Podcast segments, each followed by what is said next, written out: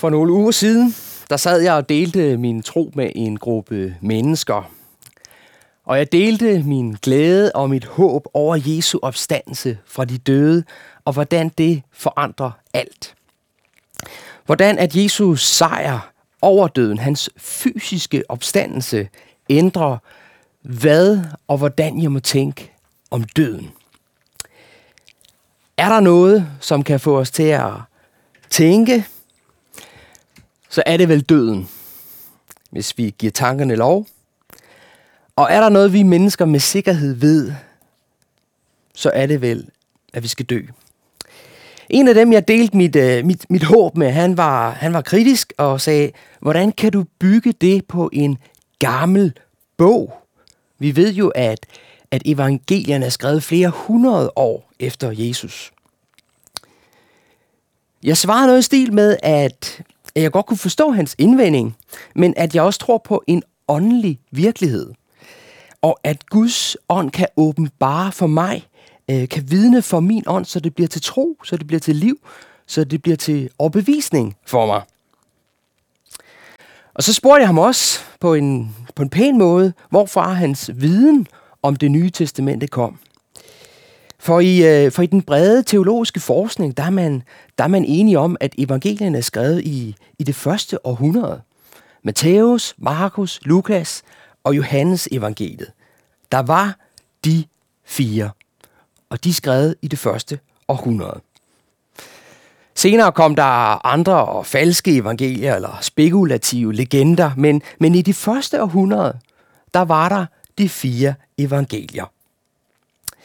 Og de fire evangelier, som vi finder i det nye testamente, det er øjenvidne beretninger.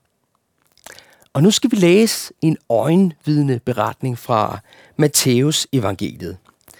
Det er kapitel 9 fra vers 18 til 26. Mens han talte, og det var Jesus, der underviste, mens han talte til dem om dette, kom der en synagogeforstander og kastede sig ned for ham og sagde, Min datter er lige død, men kom og læg din hånd på hende, så vil hun leve.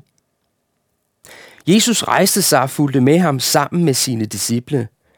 Men se, en kvinde, der i 12 år havde lidt af blødninger, nærmede sig Jesus bagfra og rørte sig ved kvasten på hans kappe. For hun sagde ved sig selv, bare jeg rører ved hans kappe, bliver jeg frelst. Jesus vendte sig om, så hende og sagde, Vær frimodig, datter, din tro har frelst dig. Og fra det øjeblik var kvinden frelst. Da Jesus kom til synagogeforstanderens hus og så fløjtespillerne og skaren, der larmede, sagde han, Gå væk. Pigen er ikke død, hun sover. De lå af ham, men da skaren var jaget bort, gik han ind og tog hendes hånd, og pigen rejste sig. Og rygtet derom kom ud over hele den del af landet. Hvis nogle af jer, ligesom mig, har hørt den her beretning før, så kan det være, at der er nogle af jer, der, der undrer jer en lille smule. Var der ikke noget med i den her beretning, at Jesus først vendte sig om og spurgte, hvem det var, der rørte ved hans kappe?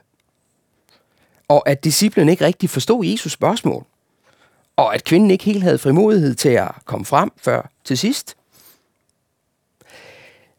Og er der ikke noget med, at synagogeforstanderens datter øh, var syg, og at de først fik besked om hendes død, mens de stod og talte og ventede på Jesus? Og var der ikke noget med ham her i virkeligheden, hed Jairus? Jo, hvis vi læser den her beretning i Markus eller Lukas evangeliet, så, øh, så fylder de meget mere der og har mange flere detaljer med. Markus han bruger dobbelt så mange vers som Matthæus, og hos Markus der hører, vi, der hører vi meget mere om personerne. Vi hører meget mere om kvindens øh, sygeforløb og hendes tanker i forhold til at nærme sig Jesus. Og det gør vi ikke her hos Matthæus. De står ikke i modsætning til hinanden. Matthæus han har bare skåret en hel del væk. Matthæus han zoomer ind. Ikke på personerne og deres liv, men på Jesus. Hvem han er. Og det handler om mere end bare sygdom og død. Så det vil jeg også forsøge nu at zoome ind. Øh, og til det vil jeg lige bede om hjælp.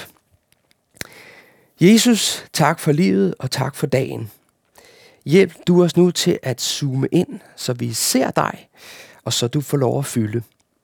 Og Helligånd, vi beder dig om at komme og med din ånd overbevise vores ånd om, hvem du er og hvem vi er i lyset af dig. Amen. For at, øh, for at zoome ind på Jesus, så vil jeg egentlig ikke bruge så meget tid i den her beretning, men bevæge mig lidt rundt i teksterne, som, som følger efter den her. Øh, det lyder måske lidt mærkeligt, men det er, det er den tilgang, jeg har valgt øh, øh, i dag. For egentlig så kunne vi også have læst det næste afsnit i Matthæus, som følger lige efter. Øh, de to afsnit hænger rigtig godt sammen. For efter den her beretning, der hører vi om Jesus, at han helbreder to blinde mennesker, og han uddriver en dæmon af en besat. Øh, og så står der, folkeskaren undrede sig og sagde, aldrig før er noget lignende set i Israel. Det er vers 33. Aldrig før. Hvad ser de? De ser, at Jesus er herre over den åndelige verden. De ser, at Jesus er herre over sygdommen. De ser, at Jesus er herre over døden. Og vi ser, at Jesus kan åbne deres øjne. Vi har aldrig set noget lignende. Aldrig før er noget lignende set i Israel. Og nogle af dem har måske tænkt på profeten, den gamle profet Esajas' ord, som sagde, nu siger Herren, han som skabte dig Jakob, han som dannede dig Israel. Frygt ikke, for jeg har løskøbt dig. Jeg kalder dig ved navn, du er min. Nu, nu skal vi løskøbes. Nu skal vi sættes fri. Vi ved, det er den reaktion, der var hos mange, når de så Jesu herlighed og så hans magt. Er det nu? Er det nu, du vil genoprette riget? Genoprette Israel? Er det nu, du smider romerne på porten? Besættelsesmagten. For Jesus, han har jo, hvad der skal til for at skabe paradis. Han er herre over død og over sygdom. Men allerede i det næste kapitel, der snakker Jesus om, hvem vi skal frygte. Og Jesus han siger til dem, I skal ikke frygte romerne. I skal ikke frygte besættelsesmagten. I skal frygte Gud. Bum. Romerne, de er brutale, og de krænker jer, og de slår jer ihjel. Men I skal frygte Gud. Det, det siger Jesus nogle vers længere henne. Hvorfor, hvorfor siger Jesus sådan? Fordi de ikke tror på Gud. I jeres hjerter har I vendt Gud ryggen. I er fortabte, og I går en fremtid i møde uden Gud. En fremtid under Guds retfærdige dom. En fremtid i mørke. Er det ikke hårde ord, Jesus? Skal vi virkelig frygte Gud? Nej, ikke som vi kan frygte krig. Og det som, det, som kan lyde som hårde ord, det er i virkeligheden gode ord. Det interessante er, at Jesus her i det næste kapitel 10 siger, frygt ikke dem, som kan slå ihjel. Frygt Gud, der kan lade jer gå fortabt. Og, og så fortsætter Jesus, sælges ikke to spure for en skilling, og ikke, det en, og ikke en af dem falder til jorden, uden at jeres far er med. Men på jer er selv alle hovedhår talt. Frygt derfor ikke. I er mere værd end mange spurve. Så hvad mener du egentlig, Jesus? Vi, vi skal ikke frygte dem eller det, som kan slå os ihjel. Vi skal frygte Gud. Og så skal vi alligevel ikke frygte Gud. Der er nok et lille stikord i teksten. Øh, Ikke en af dem, altså spurvene, falder til jorden uden at jeres fader er med den. Jeres fader. Jeres far.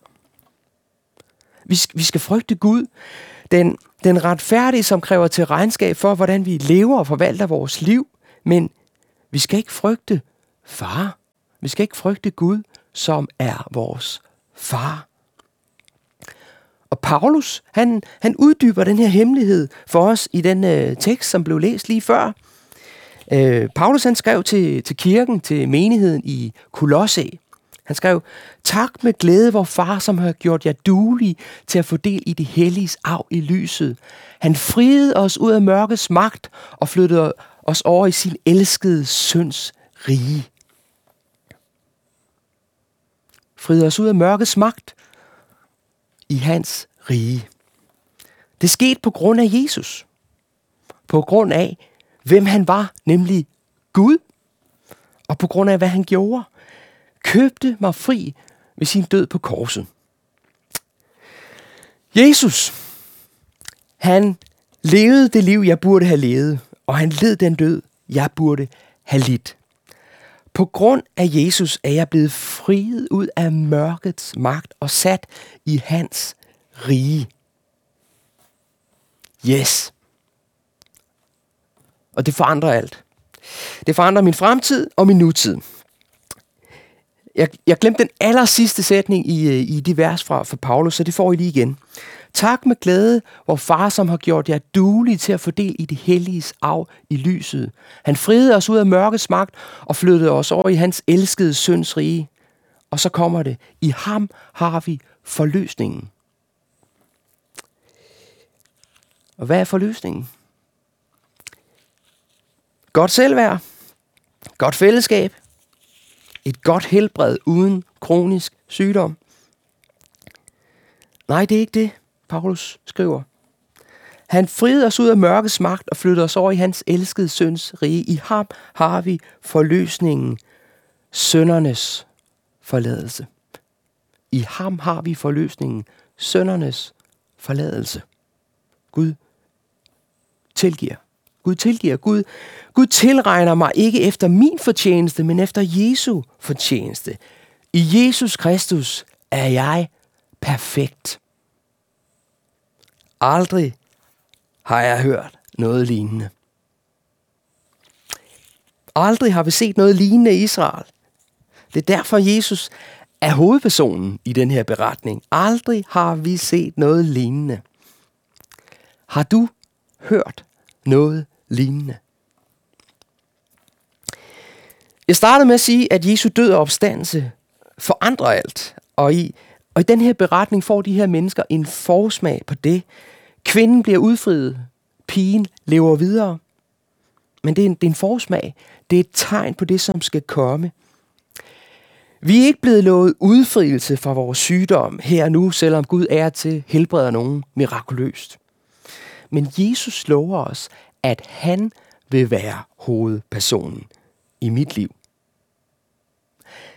Det lyder måske som en, en, en sproglig modsætning, at, at der skulle være en anden hovedperson i mit liv. Men jeg tror, det er det, som er Jesu gave og løfte til os. At han vil være hovedpersonen. Som min herre og som min frelser, at jeg er blevet befriet fra mørkets magt og sat i hans rige. Og så får jeg lov at leve hver dag i lyset af, hvem Jesus er. Og hvad han har gjort. Og Jesus ønsker at være hovedpersonen. Det er måske ikke altid nemt, men det er godt. Efter min tale, så skal vi se en, øh, en lille video med en ung kvinde, Nicoline, som fortæller om udfordringen, men også glæden ved at leve med Jesus som hovedpersonen i sit liv. En af de sandheder, jeg tit minder mig selv om, det er, at Gud er suveræn. Han er stor, han er den største, og hvis Gud er suveræn, så behøver jeg ikke at have styr på alting. Det er en sandhed, jeg tit minder mig selv om, og det vil jeg også Det vil jeg også opmuntre dig til. Gud er suveræn. Derfor behøver du ikke at have styr på alting. Jeg er et, jeg er et banalt menneske, så jeg bruger også den sandhed, hvis, hvis wifi-forbindelsen ikke virker. I ved, i stedet for at bide mit keyboard, minder jeg mig selv om den her sandhed. Eller når jeg ikke kan kontrollere min kalender eller min uge, og ved, at jeg kommer til kort. Gud er suveræn. Derfor behøver jeg ikke have styr på alting. Eller i mødet med sygdom, død, eller med de svære, tunge tanker. Gud er suveræn, derfor behøver jeg ikke, derfor skal jeg ikke have styr på alting. Jeg kender jo ikke øh, jeres situation med familie, med sygdom, med det svære, eller, eller hvad der sker i hovedet, når lyset slukkes. Et af mine børn har haft en overrække med, med angst og med frygt for døden. Så vi forældre har måttet sidde ved siden af sengen med, med lyset tæt, tændt og, og holde i hånd. Men hvad siger jeg, når mit barn frygter for at dø? Hvad, hvad siger jeg, når mit barn er bange for at dø i den nat, der kommer nu? Og, og det er den ene ting, som vi alle ved kommer til at ske på et tidspunkt. Jamen, så kan jeg, så kan jeg prøve at sandsynliggøre det. Altså, det kommer højst sandsynligt ikke til at ske i nat. Øhm, der er ikke noget, som taler for det. Der er ingen symptomer. Der er ingen sygdom. Der er bare frygt for at dø. Det sker statistisk set ikke i nat. Men jeg kan ikke give garantier. Jeg kan ikke love det. Hvis du sidder med et 11-årigt barn, så sker det statistisk set ikke i nat. Men hvad kan du bruge statistik, hvad kan du bruge statistik til, hvis du vil have vidshed? Intet.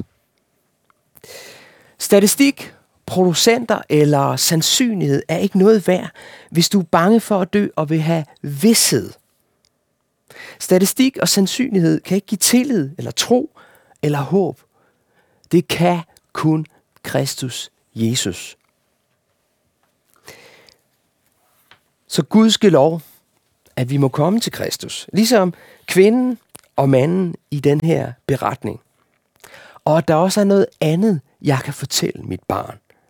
Ikke en spur falder til jorden, uden at Gud, min far, ved det. For det første, så kan, vi, så kan vi tale om, at døden ikke er det sidste. Jesus siger, at den, der tror på ham, har evigt liv, er gået fra døden over til livet. Det evige liv er begyndt. Så døden er værst for os, der er tilbage. Og for andet, så kan vi snakke om, at jeg er udødelig. Jeg er udødelig, indtil Gud mener, at det er tid. Ikke en spor falder til jorden, uden at Gud ved det. Når jeg dør, så bliver Gud ikke overrasket. For, forstå mig ret, jeg er udødelig, indtil Gud mener, det er tid. Og så er det nemmere at lægge sig til at sove. Det fjerner ikke al frygt hos mit barn, men det hjælper, og det giver perspektiv. Og det fremkalder faktisk et nyt spørgsmål. Et af menneskenes grundspørgsmål, det er jo, hvorfor skal vi dø? Men vi burde jo spørge, hvorfor skulle vi egentlig leve? Og helt konkret, så vil jeg opfordre jer til at stille det her spørgsmål. Hvorfor vågnede jeg i morges? Hvorfor vågnede du i morges? Jeg tror, jeg vågnede, fordi Gud stadig har planer for mig. Fordi han stadig kalder mig til at elske ham og leve som hans barn. At jeg vågnede for at elske det liv, han sætter foran mig med min hoved, med mit hjerte og med mine hænder. Gud lod mig vågne, fordi han sender mig til at leve som hans barn og hans disciple, der hvor jeg er og der hvor jeg kommer. Så vær frimodig og stil det spørgsmål, når du går den nye uge i møde, når du går en ny dag i møde. Det var den overskrift, jeg havde for min tale. Vær frimodig. vær frimodig. Og så stil Jesus dit spørgsmål. Hvorfor lever jeg? Hvorfor vågnede jeg i morges og bed en bøn? Og hvis du mangler ord, så kan du måske bede uh, det første vers fra øh, Lina Sandels sang, som vi sang før. O Jesus, åbne du mit øje. Åbn du mit øje, at jeg må se, hvor rig jeg er. Jeg har en fader i det høje, som fader omsorg for mig bærer. Jesus, åbn du mit øje. Jeg har et evigt liv i døden, en evig fred i Jesu blod. Så lad mig slutte med Jesu ord til kvinden, eller til os. Vær frimodig, datter. Vær frimodig, søn. Din tro har frelst dig. Gud Fader, Gud Søn og Gud Helligånd, styrk du mig i troen, at jeg må se din herlighed, og aldrig, aldrig glemme kronen beredt for mig fra evighed. Amen. Velsignelsen fra Gud. Herren velsigne dig og bevare dig. Herren lad sit ansigt lyse over dig og være dig nådig. Herren løfte sit ansigt mod dig og giv dig fred. Amen.